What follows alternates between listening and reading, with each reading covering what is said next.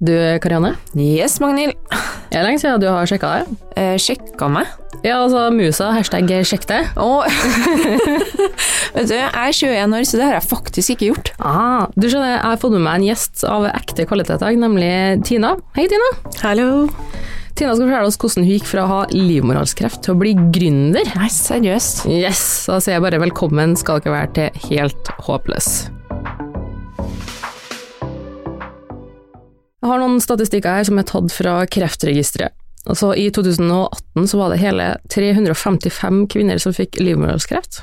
Det er ganske mye. Det er ganske mye. Men gjennomsnittsalderen ved diagnose det er 45 år, og livmorhalskreft er sjeldent blant kvinner under 25 år. Eh, Sjekk deg-kampanjen ble starta av journalisten Thea Steen etter at hun fikk sjøl livmorhalskreft. Eh, og Thea hun døde dessverre av kreften i 2016. Eh, men hun gjorde en kjempeinnsats for Kreftforeninga, og det nye for at eh, andre damer ikke skulle oppleve det samme som hun, da, at, og det å få utbredd kreft. Men kampanjen sitt budskap da, det er jo ganske enkelt. Ta livmorhalsprøve og unngå livmorhalskreft. Når det gjelder livmorhalskreft, så er årsaken nesten i alle tilfeller langvarig infeksjon av HPV. Jeg har jo sjøl tatt celleprøve flere ganger. Eh, rett og slett første gangen jeg prøvde, så var det fordi eh, legen min tvang meg. Alle de papirene som jeg har fått i posten, har jeg nemlig kasta. Dum nok som jeg er, det er helt sant. Jeg, jeg ser for meg det, jeg bare nei, drit i det, kast det rett ned. Jeg har liksom ikke skjønt uh, alvoret i det, så jeg har fått et papirlapp i posten, kasta det. Liksom sånn du får sånn innkalling til sånn militærprøve og sånn, ja, ja. så jeg, ja, jeg kasta det. Det skjer jo ikke seg sjøl, på en måte. Nei, det gjør jo ikke det. Og til slutt og satt der med legen min, og han bare sånn ja, Magnhild, jeg ser ikke at du har tatt noen celleprøve. Og så sa jeg sånn Nei, jeg har kanskje droppa det. Og han bare Magnhild! og, han, og han kjefta på meg til Nei, han bare sånn seriøst? Ja, han tvang meg sånn Vi setter opp time i dag, og så kommer du om en, ei uke, og så sjekker vi. Så, ok, for en legende. ja, Kreds til legen der, altså. Ja, og det viste seg at jeg faktisk hadde celleforandringer, og jeg fikk Altså, det verste er at du får brev i posten om det. De ringer deg ikke, de Men sender du ikke en mail. sjekka det brevet, da? Det brevet sjekka jeg, for det står Hei, hei, du har celleforandringer, vennligst møt opp til time, bla, bla, bla, for videre utredning. Hva gjorde du da? Nei, du får nå til legen og tok en ny prøve, litt mer utredende prøve, og da fikk jeg komme til et kvinnesenter her i Midtbyen, som, fordi det så var en lang venteliste. Ja. Og det første hun dama sa til meg da jeg kom inn i rommet og var så nervøs, det var hun sånn En ting jeg skal si til deg før vi starter, du har ikke kreft. Jeg bare jeg bare, kreft nå. Fy faen, jeg har sikkert angsta i flere uker fram til jeg hadde fått liksom, den beskjeden. Ja, hvis hun dama der bare har ringt meg og fortalt meg prøven på forhånd, så har ikke jeg vært så nervøs. Men det brevet der i posten, det var helt helt forferdelig. Ja, nei, sjekk Men, deg, eh, rett og slett. Enn du da, Karianne? Eh, nei, jeg er jo som sagt eh, 21, så jeg har jo ikke vært. Ung, vet du. Men jeg har vært til GU. Ja, hvordan var det? Eh, det, nå har jeg jo vært et par ganger, men eh, første den, den første gangen er jo sånn Jeg føler at alle husker sin første gang i Ja. GU. Alle vi damer gjør det. Men jeg var jo 13 år. Å ja, så var det. Det var ungt. Det var meget tungt. Nei, altså, jeg er en liten sånn overtenker, har jeg funnet ut. Eh, Så Karianne, 13 år, eh, hadde jo forestilt seg det at hun hadde en sperre inn i tissen, så når jeg skulle sette i tampong en gang, så det, det gikk jo ikke inn. Det var jo ikke noe rart, for det hadde jo ikke vært noe inni her før, ikke sant? Så eh, jeg kommer heldigvis fra en ganske sånn åpen, ærlig familie, Ja. så jeg gikk jo til min mor da, bare sånn, mamma, du, det er noe i tissen min, jeg får ikke, jeg får ikke tampongen inn, liksom. Og mamma sånn, ja, nei, det er noe, ja, ja, nei, får ta oss en tur til legen da, og jeg var jo, tenkte jo sånn, ja, ja, du tar jo sånn ultralyd, for jeg visste jo ikke at man liksom putta noe inn i tissen, at man faktisk sjekka sånn sett da. Ja, okay. Så dro vi til legen da, og jeg bare sånn, ja, ja, satt meg ned i stolen og sånn, og Åh, det kommer jeg aldri til å glemme. Eh, liksom, ja ja, bring, bring it on, for det hadde sånn fødeavdelingen og sånn, og så at man tok ultralyd og sjekka hva som var feila i tissen. Jeg, gled, jeg gleda meg jo egentlig. Litt å se det. Ja. Eh, men nei, der kommer jo med den der plastikkdildoen, vet du. Jeg angsta jo, skjønte jo faen ikke hva det var som skulle skje, men jeg måtte nå bare sette meg ned, og- Ja, det var jo Skrever. Ja, ja, ja. Altså, jeg, jeg sier jo det at det var jo jomfrudommen min, egentlig. Ja. Eh, men eh, nei. eh, Det gikk greit. Alt var helt fint. Eh, men eh, det var jo første gangen altså, noe hadde vært inni her, så vi kvinner vi vet jo at noen ganger så kan det jo komme litt luft. Tusen. Ikke så si at du queefa på dem.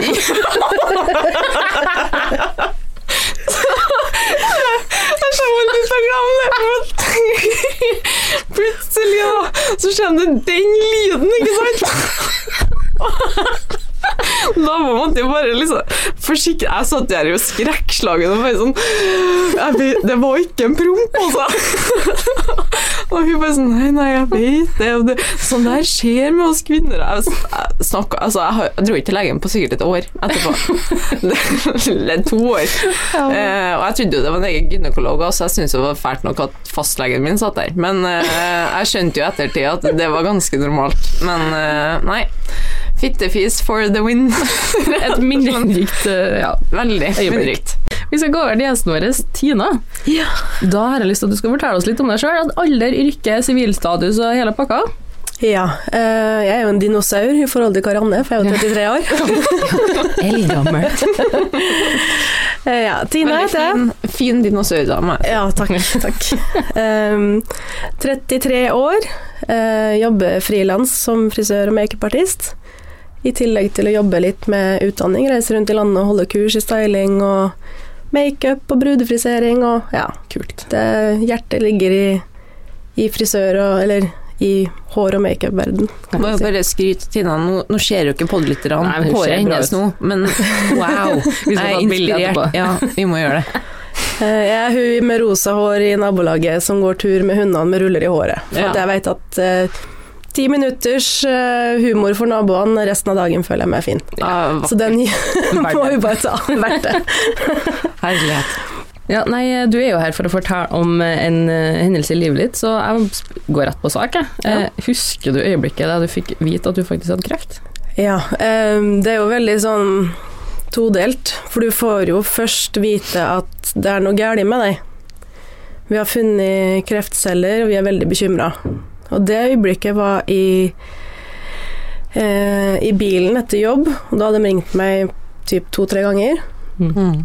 Og når legen ringer deg etter klokka åtte på kvelden, Ja.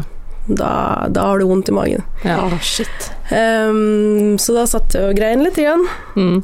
Uh, tørka tårene, lot som ingenting. Gikk inn til uh, bonusdattera mi sammen med samboeren min og spiste sushi og sendte til og med en snap til venner og skrev 'når kreftcellene raser i kroppen, men appetitten er på topp'. ja. Ah, fy. Eh, Det kalles fornektelse, Ja. for dere som ikke har hørt den før. Um, men sjølve kreftbeskjeden um, Det høres veldig stusslig ut. Fjerde juledag for to år siden, eh, inne på pauserommet til sykepleierne på St. Olavs. Det er ikke noe godt tegn når du blir sendt inn på pauserommet. Mm. Se for deg et slideshow av St. Olavs juledekorasjoner. Mm. Eh, trist julemusikk. Jeg kaller det trist julemusikk fordi jeg var lei meg. ja. Selvfølgelig. Eh, på P1, helt alene, og hadde time klokka ti. Ehm, så kommer det ei dame inn som også har time, og vi gir hverandre den derre ja, Nå kan ikke dere se meg, men det der nikket. Ja. Det derre mm, 'du er her, du òg, ja'. ja. Stay strong. Eh, for hvert minutt som gikk, så tok det en halvtime, følte jeg, til jeg til slutt ble henta inn på et rom. Eh, hvor de begynte å stille meg masse spørsmål. Det var en sykepleier på en måte som skulle forberede meg litt, og høre litt tanker om ja, det å få barn og litt sånne ting. Mm. Eh, da begynte jeg å hylgrine og sa nå må noen si hva som skjer, for jeg, jeg klarer ikke mer. Men hadde du ikke fått noe beskjed? Nei. De bare begynte å stille deg spørsmål, liksom. Ja. ehm, Nei, så ta seg ned til han eh, som skulle være min kirurg etter hvert, som setter meg ned og forteller om at de har funnet noen ting. Og de sier ikke ordet svulst, de sier ikke ordet kreft. De snakker bare om et område som må bort. Og du blir veldig sånn, du hører på det de forteller deg, og du begynner å rasjonalisere, du begynner å tenke Det høres rart ut, praktisk. Mm. Uh, Du begynner å tenke på ok, ok, fakta, fakta, fakta. Og det er så, etter jeg har vært på utredning da i to og en halv uke, og endelig var det noen som satt og fortalte meg hva som var galt med meg. Mm.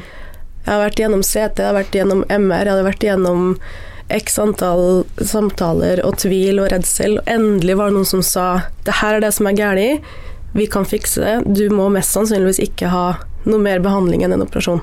Mm. Mm. Men det var ikke før jeg sto i heisen med sykepleieren etterpå. Um, og by the way, dekk som er redd for å ta GU, prøv å ta GU når noen har fortalt deg at du har en eh, Du har noe inni deg som må bort. Mm. Mm. Men jeg vil gjerne se på det, jeg òg, for jeg stoler ikke 100% på journalen fra gynekologen. Så du kan bare hoppe opp i stolen. Mm. Så der lå jeg mens tårene trilla og fikk beskjed om å slappe av. Ja. Bare pust, Tina. Ja, ok. Bare pust sjæl. Ja.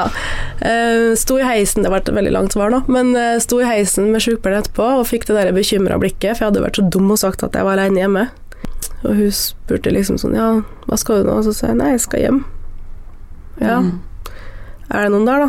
Nei, det er ikke noen der nå, men det går fint. Hvis jeg vil ha noen der, så har familie som jeg kan ringe, liksom. De er to minutter unna. Mm. Og så sa jeg nå, nå må jeg bare få det svart på hvitt. Er det kreft? Har jeg, har jeg kreft? Og så ser hun på meg med litt sånn medlidenhet, Mm. og så nikka jeg litt sånn stille, og så sier jeg ja. Og så sier jeg bare sånn Er du sikker på at det går greit å dra hjem alene nå? Så jeg bare ja.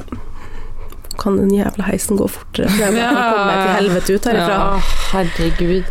Eh, satt i bilen i parkeringskjelleren på St. Olavs, jævlig glad for at jeg kjørte bil og ikke tok buss. Og satt og grein i ja, kanskje 20 minutter, halvtime.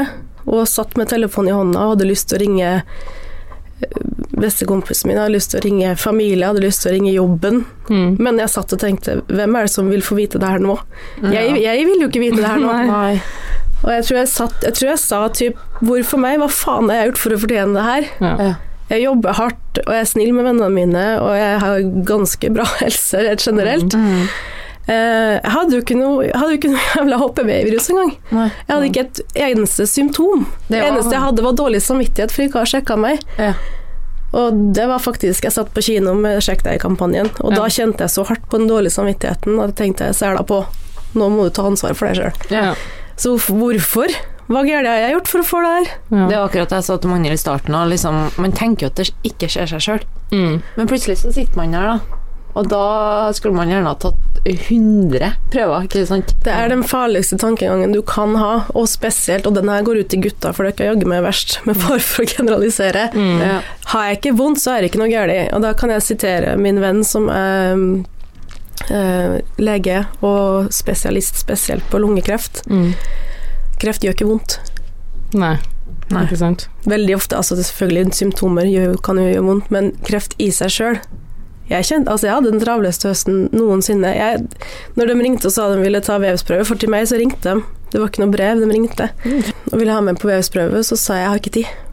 Jeg hadde kurs i masse forskjellige byer, jeg hadde reise hver eneste mandag. Mm. Eh, og så flira jeg i telefonen og sa jeg har ikke tid til å ha kreft, altså. Nei. Men eh, så du, hvordan kom du fram til at du faktisk skulle sjekke deg? For hvis du, ja, du har fått en telefon, Mm. men har du på en måte gått fra celleprøve og videre og videre, eller har du på en måte hatt symptomer som du har tenkt at ok, nå er det noe galt med meg? Nei. Ingenting? Nei. Så det har gått Ingen fra- blødninger, ingen overflødige av det ene eller det andre, ikke noe vondt, ingenting. Jeg hadde jo Altså, på to uker um, så var jeg i Jeg var i New York. Jeg var og jobba på London Fashion Week. Jeg var og holdt kurs i Oslo. Jeg var på samling med resten av GHD-gjengen i Århus. Mm. Kom hjem, jobba ei helg, flytta inn i nytt hus. Altså det her, alt det her skjedde på to uker. Mm. Hvem er det som gjør det med kreft? Altså Hvem er det som er funker sånn uten å kjenne at kroppen ikke har det bra? Mm. Alt, altså Jeg ser tilbake på bildene, så ser jeg at jeg gjorde det der med kreft. Ja, det gjorde det der med kreft. Ja.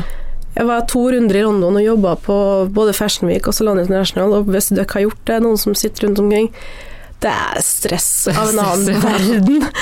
Eh, du må be pent om å gå på do, du må forte deg så ikke du går glipp av noen ting. Så hadde det vært noe galt i det området der, så Mm. føler jeg at jeg burde ha merka det. Jeg Mm. burde ha merka at jeg var unormalt sliten. Ingen, ingenting som Det er jo gjerne sånn når du tenker tilbake på det, så skal du si at ja, det var det det var, ja. Mm, men nei, ingenting. Nei. God, gammeldags, dårlig samvittighet. Um, pluss at jeg hadde tatt celleprøve til en tidligere fastlege som var veldig uhyggelig. Ja. Så jeg drøyde litt lenger enn jeg kanskje burde ha gjort, og du kan spekulere i hadde jeg vært tidligere ute, hadde de tatt det enda tidligere, men it doesn't matter. Nei, De det- tok det tidlig nok. Ja. Ja. Ja. Jeg tenker at livet blir for kort til å angre på ting man ikke har Yes. gjort. Og sånn. det, det, man kan ikke bruke energi på det. Nei, det blir for dumt. Men eh, eh, var du redd oppi alt det her? Det, det er kanskje et dumt spørsmål, men hva slags tanker gjorde du deg etter den beskjeden her, og etter du har fått fortalt dem rundt deg? Og Jeg var, reddere, jeg var ti ganger reddere før, det, før beskjeden kom. Ok. Ja. Det er en redsel som jeg håper at jeg aldri, aldri noensinne kommer til å kjenne på igjen. Ja. Det er en sånn redsel som tar tak i magen din og ryggraden din og bare vrenger den og kaster deg ut igjen. Mm. Fordi du mister kontrollen. Altså, Ja. du kjører bil i 120 uten bilbelte, og så må du bare krysse fingrene for at det går bra. Mm. Men var det Eh, før du fikk beskjeden? Ja. Så det er jo egentlig litt sånn Du får 1000 telefoner sorry, du får 1000 telefoner fra St. Olavs med logistikk som ringer og sier du, du, den timen der og den timen der har du fått i posten, og så kommer det verste du kan høre, men du har høy prioritet, så Mm. du er nødt til å komme inn før. Ja. Det er haste. mm. Og så jeg sto en gang i telefonen og rista og sa du, du må fortelle meg hva som foregår, hva er det dere prøver å finne ut av? Hva er det dere prøver å utrede? Hva, hva er det vi snakker om? Mm. Nei, du må snakke med legen, det kan vi dessverre ikke fortelle deg. Mm. Så jeg sto oppe i skauen, var ute og gikk tur med bikkja, jeg husker det som det var i går, um, i desember. Og husk på at jeg sto midt i julerushet på jobb, for jeg dro jo ikke hjem. Altså, jeg sto og jobba med kunder, og alle snakka om hvor koselig det skulle bli med jul, og jeg kjente at kanskje jeg ikke lever i jula. Altså, du blir helt Ja, du blir så Ja. skremt. Um, og jeg bare hyla. Jeg er så redd, jeg er så redd, jeg er så redd. Altså, det, du knekker fullstendig sammen. Og det, det er jo det som er tingen. Ingenting etter det kommer til å gjøre meg like redd igjen. Nei. nei. Så det, du er reddest først, og en venninne av meg som hadde brystkreft, hun sa det, det verste er ventetida. Du må Mm. bare holde ut ventetida, og når du Mm. får svar, så lover jeg deg at du takler det. Så, men selvfølgelig er du redd. Ja. Så, men beskjed fra du, Altså, du får vite hva som er galt, check. Og så får du vite hvor galt det er. Og da fikk jeg jo vite at det, det her er tatt tidlig, så sånn, ok, ikke så redd lenger. Mm. Men vi må fortsatt sjekke, for vi er ikke 100 ferdig med å sjekke om det er spredning ennå. Mm. Ja. Så det var det som var neste redselsstasjon. Ja. Ja. Eh, har du Hvordan var behandlinga? Du snakka om operasjon, og Mm. du ikke trengte eh, cellegift. Du ikke trengte. Um, den vanligste behandlinga av livmorhalskreft, sånn som jeg har forstått det, er operasjon og strålebehandling. Mm. Eh, selvfølgelig, sånn som i TST sitt tilfelle, så brukte de jo cellegift i tillegg. Mm. Så det er jo, alt er jo relativt, og alt er jo individuelt. Mm. Um, jeg fikk vite at det skulle holde med en operasjon, men at de etter, Altså, de analyserer jo det som kommer opp si det som de tar ut. Mm. Uh, De tar jo ut bl.a. ekstra lymfer og sånn i nærliggende lymfer for å sjekke at det ikke har rekke å spre seg der. Mm. Um, så, men jeg fikk beskjed om at det er typ 98% sikkert at du ikke skal ha stråling. Men vi, Mm. må, vi må vente til vi har fått tatt ut og analysert og alt det her. Og det slapp du. Um, jeg, var, det, altså, jeg vet det er lett å si for Dr. Google er et rasshøl. Uh, mens jeg gikk og venta på Jeg venta i seks uker for å få vite om jeg skulle ha strålebehandling. Da var jeg nyoperert og hjemme og sjukmeldt og alt det her. Ja. Og gikk fortsatt og venta på om det ble noe mer. Mm. Og googla og fikk se bilder av innvendig stråling og utvendig og alt det her, og fikk lese hva slags effekter og bi... Ja. Mm. Mm. Og grua meg jo mer og mer og greide meg i søvn. Jeg sier slapp unna med bare en operasjon. Ja. Operasjonen i seg sjøl er ikke noe små greier, det heller. Nei, fytti grisen. Men jeg føler meg veldig velsigna for å ha sluppet i strålebehandling. Ja, Ja. det er bra. Hvordan, eh, altså, du snakka om samboeren din og stebarn og sånn, men hvordan overlever parforholdet en sånn type beskjed? Det er jo vanskelig, da. Men nå var jeg jo sammen med en veldig stødig fyr. Mm. Og han var jo min klippe, og han var der til å holde meg når jeg ropte hvor redd jeg var. Mm. Og han viste ikke noe tegn på redsel sjøl. Å, det er jo sånn guttene er. De, Mm. eh, de skal jo være litt stødige, og de, de tenker at her må, jeg, her må jeg holde meg oppe så jeg ikke blir med ned. Mm. Mm. Eh, og bonusdattera mi òg syns jeg takla det fantastisk bra. Ja. Hun var den jeg grua meg nesten mest for å si det til. Hvor gammel var Eller er hun? Hun er 13 nå. Ja. Mm. For å si det sånn, hun vet alt om GU og celleprøver, og vi har hatt fullt kurs. Ja. Så det, hun får ikke lov å ikke gå og sjekke seg. Um, men um, du, du blir litt sammen om en kamp. Du blir litt oss mot kreften. Mm. Samtidig så blir den ene veldig håpløs, det var jo meg. Mm. Og han blir veldig sånn forholde seg til fakta. Mm. Og den dagen vi fikk vite at nå vet vi at det ikke er spredning, Det var den eneste dagen jeg kjente litt på at han hadde faktisk vært bekymra. Mm. Og han sier sjøl at spredning var det eneste han frykta. Alt annet kan fikses. Ja. Han sa det her må, det her må de faen meg fikse. Så, så på en måte så blir du jo sterkere, på en annen måte så får du jo en differanse. Du, blir, du føler deg jo som den svake, og han er den sterke. Mm. Og så kommer du ut på andre sida, og så er det jo det å prøve å på en måte få tilbake litt av den balansen. Mm. Så den er jo, det er jo veldig opp til hvert, opp, opp til hvert par. Mm. Og så Kanskje litt sånn eh, krass spørsmål, da, men sånn, kanskje mange som lurer på Når man har livmorhalskreft og sånn, eh, kan man ha sex og sånn da, eller må man på en måte vente i forhold til operasjon og sånn, fordi Du kan ha kreft Nei, jeg kan ha kan jeg. Eh, Du kan ha sex, ja. Ja, ok. Ja. Ja, men det er bra. Men jeg syns jo det var ekkelt å vite at det var noe inni meg som ikke stemte. Ja. Det, men eh, vi, der er damer, vi tenker mye mer, gutta er litt mer sånn Nei, men det går fint. Mm. Ja, for kreft er jo ikke smittsomt Nei, eh, nei, nei. sånn sett, men det, jeg skjønner hva du mener, at du tenker at det er på en måte noe inni der som kan komme ut plutselig. Ja, ellers er man redd for i tilfelle den lille sannsynligheten at det kanskje kan være spredning, ikke Ja, så- Eller at man er smitta, da. Ja. Hvordan er det i forhold til operasjon og sånn, for da har de jo på en måte tatt ut noe sånn, men har det påvirka evnen din til å kunne få barn senere? Ja. Det gjør det.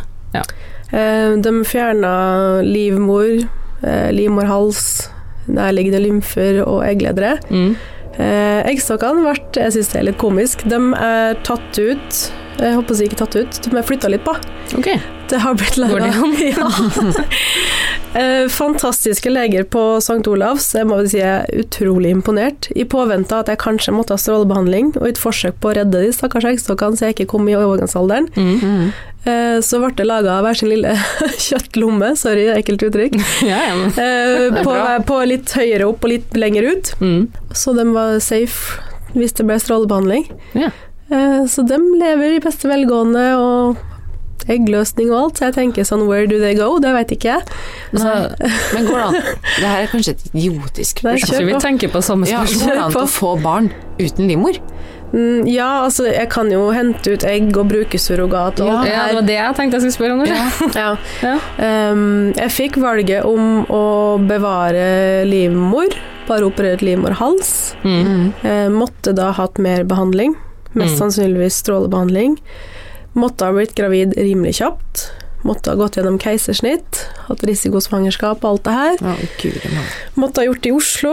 Måtte ha vært tilbake igjen i Oslo på alle kontrollene. Kanskje ikke det man har lyst til å gjøre rett etter man har hatt behandling for kreft. Nei. Altså, graviditet i Um, seg sjøl er en stor nok påkjenning på en Ja. måte. Jeg ser for meg at det blir Ja, ekstra um, tøft.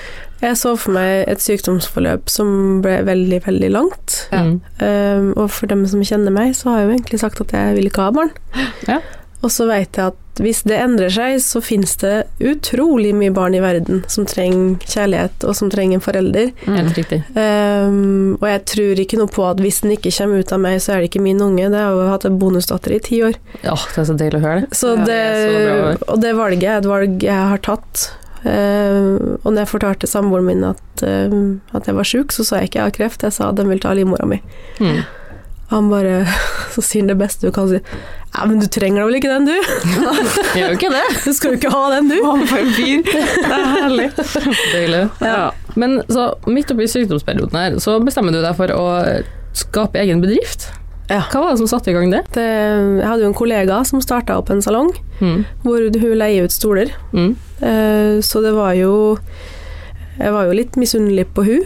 Hun starta jo helt alene og sa at jeg håper at noen kommer og leier til meg etter hvert. Hun bare gønna på. Ja. Whatever. Vi bare kjører på.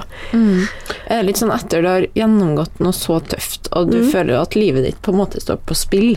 Man blir jo litt sånn Da vil man jo leve, mens man først er på en måte og våger kanskje å satse litt mer da enn man eh, ellers ville ha gjort. Det er jo akkurat det. Uh, hun starta jo i oktober, og jeg husker jeg tenkte For hun sa jo det den gangen, så sa hun jo det at uh, hadde jeg fått med deg på laget mitt fram i tid, så hadde det vært helt fantastisk. Men du må jo tenke deg godt om. Det var ikke noe sånt du prøvde å, prøvde å få med meg fra den Mm. salongen vi begge jobba på.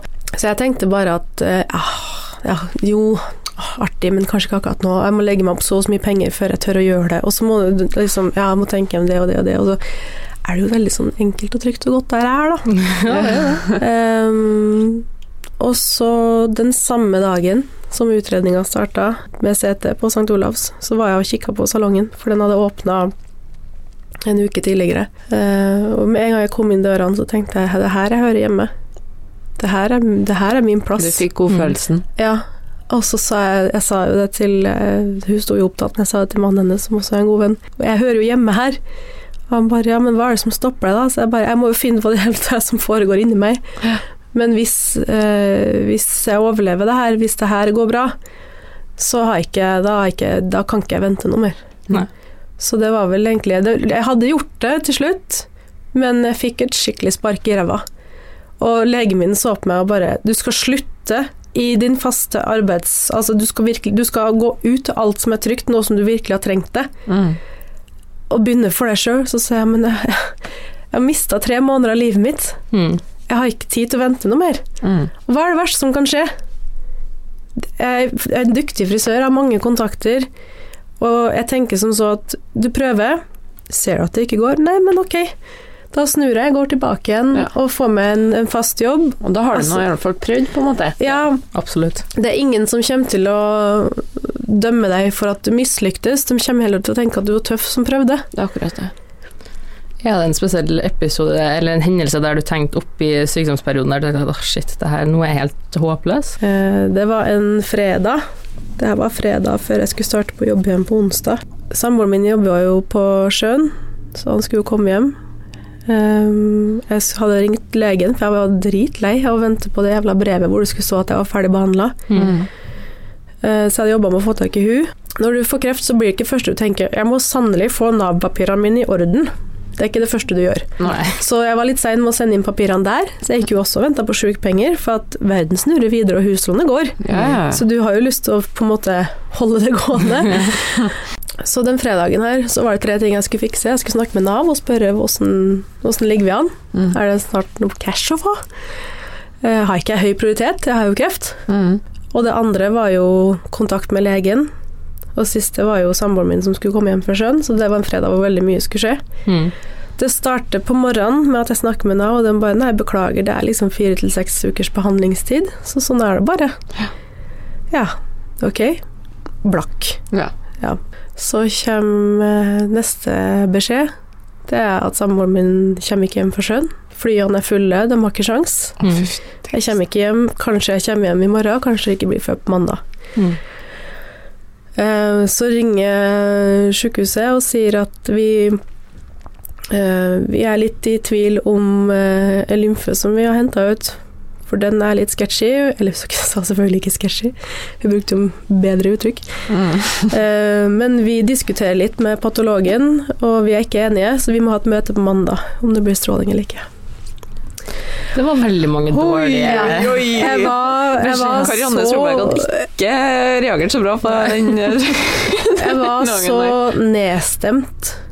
Og så, det, det vil jeg si håpløs. Jeg var så nedstemt den dagen der. Og jeg tenkte, når skal det her gå min vei? Mm. Jeg hadde også avtalt at jeg skulle få ordna håret mitt den kvelden der. Skulle møte jentene på salongen, og vi skulle spise takeaway og kose oss sammen og feire litt at vi skulle begynne å jobbe sammen igjen. Jeg skulle Mm. endelig få se ut som meg sjøl igjen, for jeg så jo så jo ikke ut. Jeg kom dit, jeg klarte ikke å smile til dem. Jeg, klarte, altså jeg er god, jeg har pokerfjes, men jeg klarte ikke, for at jeg har aldri kjent en sånn Det er akkurat som noen sto med en hånd over meg og bare trykte meg ned. Ja, ja. Og så sier hun ene som jeg jobba med, hun bare du, Går det bra, eller? Du, du, virker, du virker veldig utafor nå. Så sa jeg bare Jeg er blakk, jeg, må kanskje ha strålebehandling, og han kommer ikke hjem engang. Jeg klarer ikke å dra meg sjøl opp igjen fra det her. Mm. Eh, Så spiste vi litt mat, og her er grunnen til at jeg tror jeg har en av verdens beste jobber.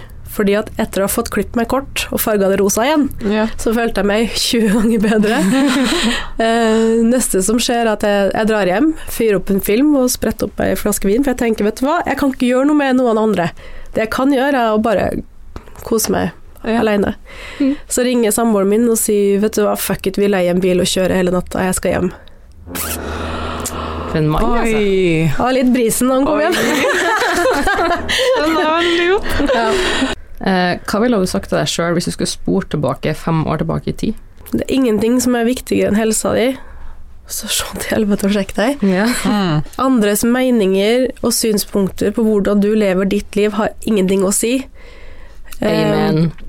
Ja, Amen. eh, spesielt avgjørelsen om å ta ikke få barn. Den er veldig omdiskutert. Jeg har fått slengt til meg at det kommer du til å angre på, det ene og det andre. Men um, Det er jo ditt liv. Det, Mitt- det ja, mitt liv, Hvordan min kropp folk, altså? ja. Nei, Jeg har ikke sykt. meninger om ditt liv, og jeg tenker som så, De som velger å gidde å snakke om meg, Mm. de som velger å gidde å ha en mening, og som velger å dømme meg, Og det å bruke energi på Jeg andre tenker- og hva de velger altså, Ja, de må gjerne bruke energi på meg, de må gjerne ha mening. Jeg er vant til at folk glor på meg, for jeg, jeg har min egen stil. Men jeg tenker som så at eh, ja, ja, men da har de fått sett noe å prate om resten av dagen, da. De har fått sett hun Ja. med rosa hår og pelsjakke som danser nedover gata og hører på gangsterrapp. Det går fint, det. Det går fint. Det. Så slutt å bry Altså, det jeg vet det er sånn som vi hører veldig ofte, men please, slutt å sammenligne med andre og gi, gi beng. Mm. Og du finner ikke noen plass på Instagrammen min hvor vondt jeg hadde det. Nei. Du finner ikke noen plass hvordan jeg trengte hjelp til å gå og legge meg og hjelp til å stå opp. Mm. Du finner ikke noen plass hvor jeg ikke Altså, jeg funka ikke. Mm. Eh, du, det finner du ikke. Så det er sosiale medier og sånne ting. Drit i å sammenligne. Hvis, folk, hvis noen får deg til å føle deg dårlig, slutt å følge dem. For, at for fem år siden så sammenligna jeg meg med veldig mange. Mm. Hvis noen sitter hjem Mm. og i akkurat samme situasjon som du var i, hva, vil du, hva slags råd har du til dem? Um, slutt å late som at det går bra. Mm. Slutt å være så jævla sterk. Eh, slutt å på en måte vise at du har et tappert ansikt, og det her skal jeg fikse. Tør å få lov å være sjuk. Jeg holdt meg i veldig mange tilfeller. Eh, jeg var veldig sånn Nei, nei, det her går fint, og de skal gjøre det og det og det, og oh. Aksepter at det skjer med deg. Aksepter at andre mennesker skal fikse for deg, og aksepter at, at det er lov å være lei seg. For at den sorgen du får med en sånn sykdom, den kommer, men den kommer seint. Mm. Og den kommer når alle andre har sørga ferdig og gått videre med livet sitt. Og for meg så er det det 2019 har vært. Mm. Det har vært en sorgprosess å finne ut av Altså, du sørger over den du har vært. Eh, og i den sorgprosessen så blir det veldig sånn Du får veldig identitetskrise. Mm. Du sliter litt med å finne fotfeste igjen, og når alt annet i livet går bra, så får den sorgen endelig plass. Mm. Og det aller, aller viktigste, finn noen å prate med som har det som profesjon. Mm. For det gjorde jeg når, jeg når jeg kjente at jeg følte meg veldig ensom i sorgen, så får du veldig fluktfølelse. Jeg hadde Mm. lyst til å stikke av fra Ja, alt. ja. Ikke si noen ting, bare dra. Mm. Hvor skal du dra? Altså, du kan ikke flykte fra følelsene dine. Nei. Og da tenkte jeg, det her kan ikke stemme. Jeg elsker jobben min, jeg elsker vennene mine, og jeg, det her kan ikke stemme. Jeg kan jo ikke redde, altså, det er ikke det her jeg vil. Mm. Um, så da fant jeg meg en fantastisk dyktig psykolog Mm. Som hjalp meg å få fram følelsene, og som hjalp meg å, å på en måte sortere livet litt, grann, da. Mm. og finne ut litt hva det er jeg faktisk ville, og hva jeg trengte. Og jeg satt hos Mm. han og sa at jeg var så lei meg, og han bare Du sier at du er lei deg, men du har grinet én gang her. Ja. Jeg ser mer at du er sint. Og jeg skulle ønske at St. Olavs, fantastisk sykehus, det er én ting dere skulle ha gjort til meg, og det er å sagt søk hjelp med en gang. Mm. Begynn å snakke med noen med en gang, og Mm. hvis du finner ut at du ikke klarer å snakke om ting, ok, men da har du i hvert fall gripet ut, du har tatt, et, tatt en, det første steget, da. Mm. Jeg er sjokkert over at de på en måte ikke har én psykolog på St. Olavs som sitter der ved sengekanten din før du går inn i operasjon, eller etter.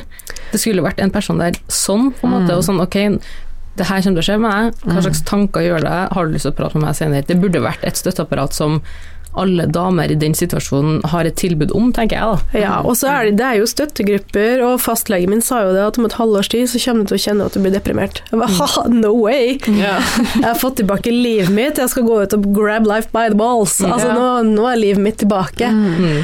Um, Man går jo på en måte gjennom en sånn traume, da. Så det er jo selvfølgelig det traume, det er jo et kroppstraume, det er et psykisk traume. Altså det, det å fortelle sine nærmeste at du er sjuk, og takle andre sine reaksjoner, er ti ganger verre, hvis ikke Ja. hundre ganger verre, enn å få høre beskjeden sjøl. Ja. Mm. Det blir jo på en måte litt kanskje dårlig samvittighet oppi alt òg, jeg vet Ja. ikke. Det, det, å, det er så mye rare følelser som dukker opp. Ja, nei. Men hva, hvis du skal gi tips til bekjente av dem som har noen som er syk, hvordan skal eller hvordan syns du de burde reagere, hva burde de gjøre for mennesket? Skal de gi sympati, skal de late som ingenting? Hva, hva er det beste for deg, f.eks., at de rundt deg reagerer på? Jeg vil jo da si en liten shout-out til alle venner og bekjente og familie og kollegaer, fordi at uh, de kom på besøk. Huset så ut som en blomsterbutikk, for det kom så mye blomster og gaver. um, de kom på besøk Og de uh, vaska kjøkkenet mitt når jeg ikke klarte å stå oppreist, Mm. for det plaga vettet med at kjøkkenet var rotete. Mm. Eh, de kom og tømte oppvaskmaskiner, tømte søpla. Altså kom med lunsj til meg. De bare, de bare var der. Mm. Og dere trenger ikke å snakke om sykdommen, for sykdommen er det eneste vi tenker på. Mm. Fortell oss om en kjip one night stand. Fortell oss om daten du var på. Mm. Fortell oss om noen ting på jobben. Altså, for, kom og vær hos meg. som syk, på en Ja, måte. kom, kom og vær hos meg, for at jeg sitter alene og glor ut vinduet som en andre stakkar, og ser på at alle andre har det så mye bedre, og her sitter bare jeg og må bare tåle det. Mm. Så kom og distraher meg bort ifra den hverdagen som nå er fæl, for at det du savner mest av alt, er hverdagen din. Jeg har jo ikke vært og sjekka meg. Bu. Skam deg. Skamme seg. Uff, jeg har jo trauma fortsatt, den fittefisen. Men eh, eh, jeg kjenner veldig på nå at nå vil jeg jo dra med en gang. Etter vi er ferdig å spille inn pod, jeg vil dra til legen og sjekke meg med en gang. Mm. Kan jeg gjøre det når jeg er under 25? Ja. Det kan du. Det er jo, altså den der eh, hvert tredje år over 25, det er jo basert på eh, statistikk, og som, ja, veldig, det er jo for å forhindre litt sånn at folk stormer til legen og lager lange køer òg. Mm. Eh, jeg gikk jo privat og gjorde det, Mm. eh, og de var veldig reale, for de ringte jo også istedenfor å sende det brevet. Mm. Og de var veldig fintfølende og veldig profesjonelle og veldig flinke og veldig kjappe. Mm. Eh, så selvfølgelig kan du gjøre det. Og de sa jo det på sykehuset òg. Og det her går til alle. Du kan fint gå og sjekke deg årlig. Og hvis du har vært hos noen som sier at nei, det er ikke nødvendig, så ikke stol på alt du hører. Altså, de, noen har meninger, noen ting er basert på fakta, noen ting er bare noe de sier. Mm. Um, men gå, altså jeg må på kontroller nå. Nå er jeg i januar, nå, så nå er toårsmerket mitt. Og da går kontrollene drastisk ned. Jeg har vært Jeg kan ikke huske hvor mange GU-er jeg har gjort de siste to årene. Sist gang, så, så fort jeg kom inn døra, så begynte jeg å kle av meg. Yeah. Og han kirurgen bare 'Du må gjerne gå bak forhenget'. Så sa jeg 'really'? Yeah. You've har- seen this! Ja, jeg har ligget i narkose mens du har herja rundt nedi der. Eh, Du har fortalt meg at jeg hadde kreft, så fikk du lov å herje rundt nedi der. Jeg tror vi er past coy. Du, du har holdt livmora mi i dine hender. Så jeg tar av meg tightsen her, jeg. Det går fint, det. Hoppa opp i stolen. Så, så please, please, please, dra og gjør det. Hvis du ikke er redd for at det gjør vondt, det er vondere å banke foten inn i dørkarmen. Og hvis eh, dere som sitter hjemme og tenker å, men jeg har mann til lege. Jeg var til mann, eh, mannlege. Eh, ja, det er kleint, men det er verre å få kreft, Ja. tenker jeg. Altså, sånn, den skammen den gikk over når jeg var ute av det legekontoret. Det tar to sekunder å få den q-tipen langt oppi hit i. Ikke, ikke tenk på at en mann Han har garantert sett en styggere bever enn din. Ja, tenker jeg. Eh, Kreftforeninga si nettside de har tips og råd. Eh, Sånn her kan risikoen minskes. Selvfølgelig, kreft er også noe som bare skjer, så ha det litt i bakhodet. Ja. De sa det å ta HPV-vaksiner, den reduserer risikoen til å bli smitta med HPV. Mm. Det står faktisk at det å være røykfri, risiko, at den minsker risikoen. Um, og så følg livmorhalsprogrammet og ta livmorhalsprøve fra livmora når du får påmeldelse av Kreftregisteret. Så ikke ta lett på de brevene som kommer i posten når du får innkallelse, det er alvorlig. Og støtte opp eh, hashtag sjekk deg-kampanjen. Jeg valgte jo å være veldig åpen om det, jeg valgte jo å fortelle om det, for jeg ville at folk skulle vite hvorfor jeg var borte. Jeg ville ikke ha noen spekulasjoner om noe som helst, og jeg ville jo Mm. også vise at all, at vi får se så mye tilfeller altså kreft, og det er så veldig mye fokus på det eh, å sjekke seg og sånne ting, og det er jo fantastisk, men det er også veldig mye oppmerksomhet rundt det som går dårlig. Mm. Det er veldig mye av den um, Hva skal jeg si Familie og venner går ut etterpå og sier at 'vi mista hun, vi mista han, vær så snill'. Så det er, det er fullt mulig at det kan gå bra, men du må ta det tidlig. Ta det tidlig. Mm. Det er en, eh, en utredningsprosess. Men eh, jeg har to venninner som måtte inn til konisering. Konisering, for dere som ikke vet det, det er at de fjerner en liten bit av livmorhalsen. Mm. Du kan fortsatt få barn og alt det her etterpå. Det gjøres på ti minutter, og smekk, smekk, og så er det over. Eh, Det er der det starter. Det er der kreften starter først. Mm. Um, og det er det veldig mange som må. Når de Mm. har hatt celleforandringer veldig mange ganger, og sånn som du, Magnhild, som har ta VS-prøve, Mm. så er det ofte det som, som skal skje. Uh, to venninner som begge to ene frykta gynekologen, andre hadde gått med litt blødninger og bare husker jeg sa til han nå, jeg har gått og sjekka meg, så nå må du til helvete gå, du òg. Mm. Begge to måtte inn til konisering. Ja. Ja. Så jeg tenker at hadde ikke jeg masa litt. Ja. Hadde de venta litt lenger, så kunne det like så godt ha skjedd med dem. Absolutt. Det måtte skje med noen, og det skjedde med meg, men det trenger ikke å skje med alle andre. Vi eh, skal begynne å runde av. Mm. Eh, jeg syns at det står massiv respekt. Hvordan går man fra å ha kreft til å starte egen salong? Det er helt vanvittig. Jeg elsker jo Må jo gründerkvinner. bare slenge inn at salongen er ikke min. Jeg Nei, leier jo bare det- stol, men ja. Gründer er det uansett. Ja, Jo da. tenker jeg. Eh, ja. Vanvittig god frisør, anbefales på det sterkeste. Palais 3, for dere som ikke har hørt om eh, salongen før, gå og besøk Tina, og se smashing ut på håret når dere er ferdig ut. Jeg har lyst til å farge håret rosa nå. Gjør det? Ja. sånn seriøst. Nyttårsforsett her. Ja, ja, ja, er for kort til ikke å ha rosa hår minst én gang. faktisk- Ja, ja, ja. Jeg sier tusen takk til Tina, det var en vanvittig bra historie å få høre, og den er så Shit. sterk, og jeg takker deg veldig for at du kom. ja. Og jeg er så glad for at vi får høre den der Det Mm. går bra-historien. Det går bra. Det går Fordi det er så mye negative historier Mm. som man hører om kreft. Men det går an til å ta tak, og så går det an til at det blir en lykkelig historie til slutt. Det er det. Og det Veldig ofte så handler det om tilfeldigheter. Mm. Det er bare tilfeldigheter. Og igjen, celleprøve skal ikke gjøre vondt. Nei. Eh, så hvis det er noen som sitter i samme situasjon, jeg har ikke noe imot å ta en kaffe og fortelle om utredningsprosessen og gjøre noen litt roligere. Mm. Mm. Da sier jeg tusen takk for oss, så til neste gang så ønsker vi dere en riktig fin dag videre. Hvis du likte denne episoden, så håper jeg du tar deg tida til å gå inn på iTunes og gi oss en strålende anbefaling, så vi kan nå ut til flere akkurat sånn som deg. Husk på å abonnere på podkasten vår i Spotify, så du får med deg neste episode. Har du en spennende livserfaring, historie eller en episode der du var helt håpløs, send oss en DM på Instagram til hh-pod.